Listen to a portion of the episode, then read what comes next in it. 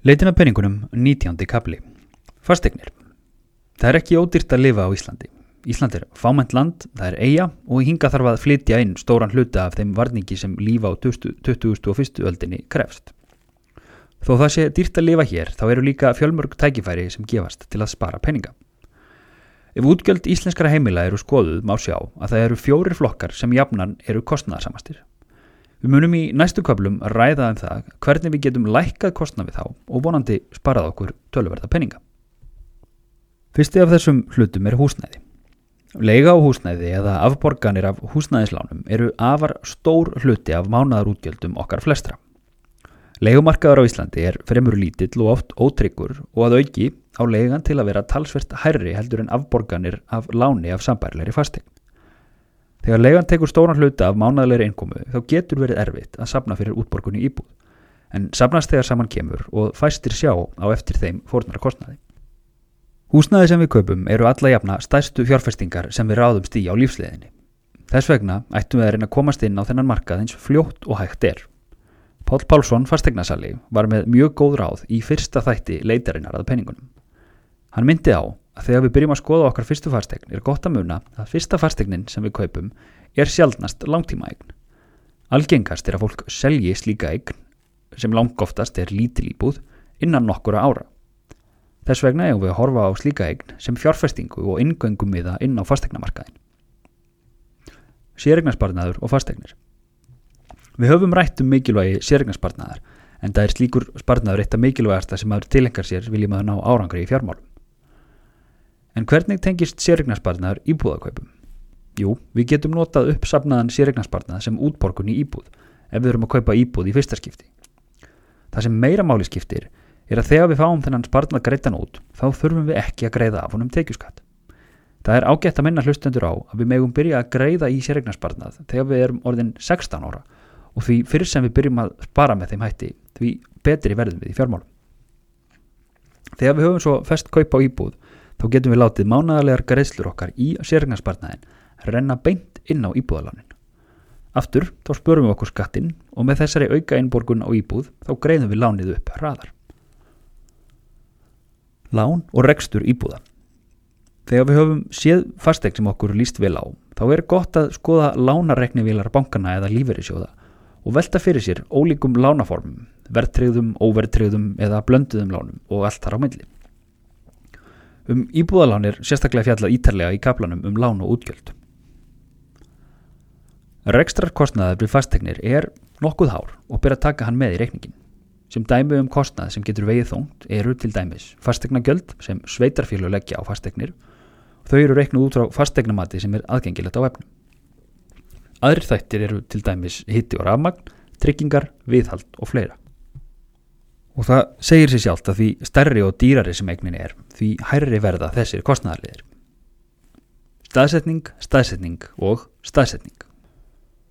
Pál Pálsson, fastegnasali sem að ég kynnti hér til sögunar áður, mælti með því að skoða sérstaklega meðalverð í þeim hverfum sem við hefðum áhuga á með því að deila fermetrafjölda í uppsett verð.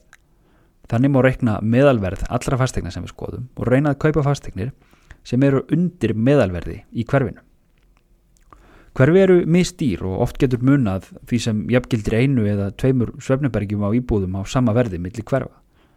Staðsetning kostar og það er mikilvægt að skoða hverfið sem að vill búa í og bera saman fermetraverð millir hverfa. Þegar hortir á staðsetningu er líka mikilvægt að huga að samgöngum. Ef það er mjög langt í vinnu eða skóla fyrir öll á heimilinu þá getur það þýtt að tveir bílar verði fyrir valinu fyrir þá fjölskyldu. Þess vegna mikilvægt að skoða tengingu svæðisins við almenningssamgöngur og hvort það sé miðsvæðis eða í útjæðari borgar og aðtöða einnig hvernig almenningssamgöngur koma til með að verða í framtíðinni. Og hvað með til dæmis hjólalegir og göngustíga. Þetta eru allt þættir sem er mikilvægt að hafa í huga og geta falið í sér tölverðan kostnað eða sparna.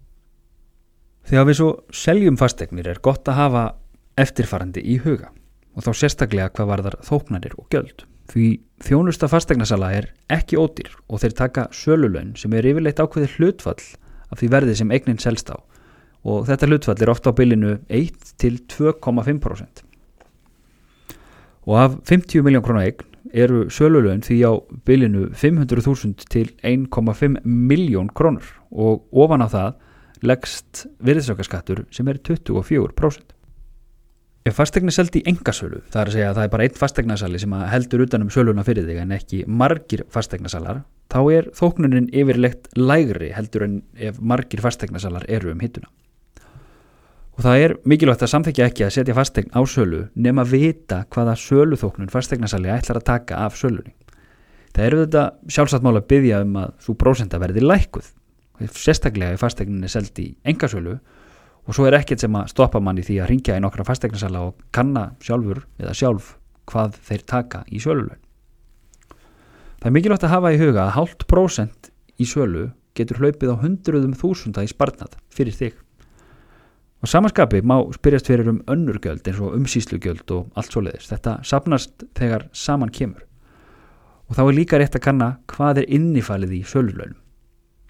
Gerir fastegnasalinn til dæmis ráð fyrir að sína íbúðina fyrir þig eða þarfst þú að gera bætist við kostnaður við að mynda íbúðina og, eh, og er innifælið að þessi fagmaður sem gerir það? Eða hvernig er þetta allt saman reiknað í þessum svölulunum Það er skemmtilegt að horfa til þess að það er rannsókn að gerði í bandaríkunum og fjalla var um í bókinni Freakonomics og samlemdum hlaðvarpstáttum Freakonomics sem síndu að þegar fastegnasalar selja sínar eigin fastegnir þá eru þær fastegnir yfirleitt lengur í sölu og þær seljast á herra verði. Og það er mikilvægt að munna að fastegnasalinn fær þegar hann seljur þína eign bara lítinn hluta af söluverðinu fyrir sín snúð.